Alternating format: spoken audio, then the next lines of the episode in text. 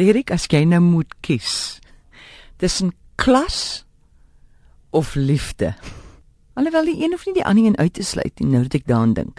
Maar ons het hier 'n brief gekry van iemand Nathaniel. Moet mens liewer gaan vir klas of vir liefde? Haar storie soos volg: Sy sê ek en my kerel is al 2 jaar bymekaar, ons het dieselfde waardes. Ek is nie so verlief op hom nie. Maar ek weet hy's 'n goeie man en ek voel ons kan nog 'n lang pad saam stap. In die verlede het ek al kerels gehad oor wie ek mal was, daar was baie passie, maar ons waardes het so verskil en dit het nie uitgewerk nie. Uh, wat sal jou antwoord wees?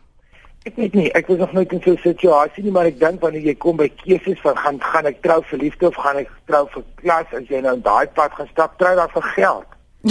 as jy nou regtig in 'n kategorie wil ingaan, ek weet jy, mens trou met die een met wie jy jou lewe wil deel en elke mens het ander behoeftes.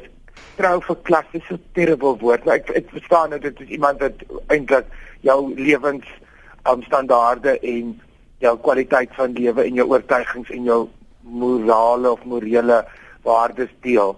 Neem ek aan. Um is maklik maar wat van die twee weke vir die troue en dan kom jou groot liefde om jou hoek. Wat doen jy mm, dan? Mm, mm.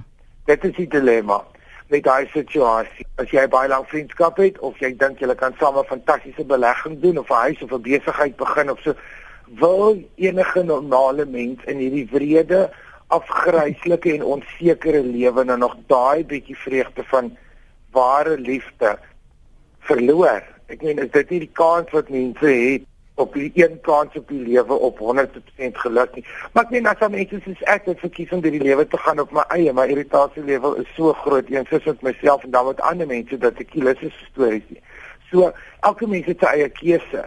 Ek sê net dit is baie gevaarlik om dit te doen want dit is die lewe werk. Jy gaan nog daai konfetti uit jou hare uitkam en saam met jou man in julle perfekte huis kom dan stop jy groot liefde ook aan die straat.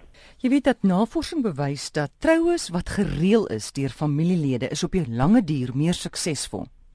Ek is die een wat gaan vir die movie ending. Okay. Of vir die fairy tale of vir die drama of die hmm. storm of die musiek of die rook of die glitter.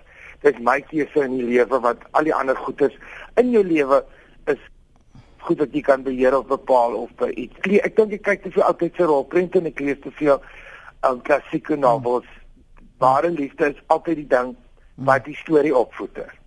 Dis my grootste vrees dink ek is jy jy jy so 'n self het 'n onbeantwoorde liefde of 'n geheime liefde is wêreld se grootste ding. Jy klink nou so mooi. Ek weet en ek is nigter.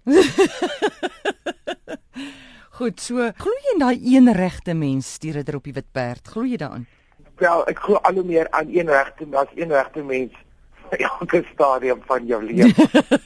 Want ek persoonlik is nie meer wat ek 10 jaar terug was en ek sê dit nie net lelik hoe ek ja. julle ander mense wat ek 10 jaar terug was.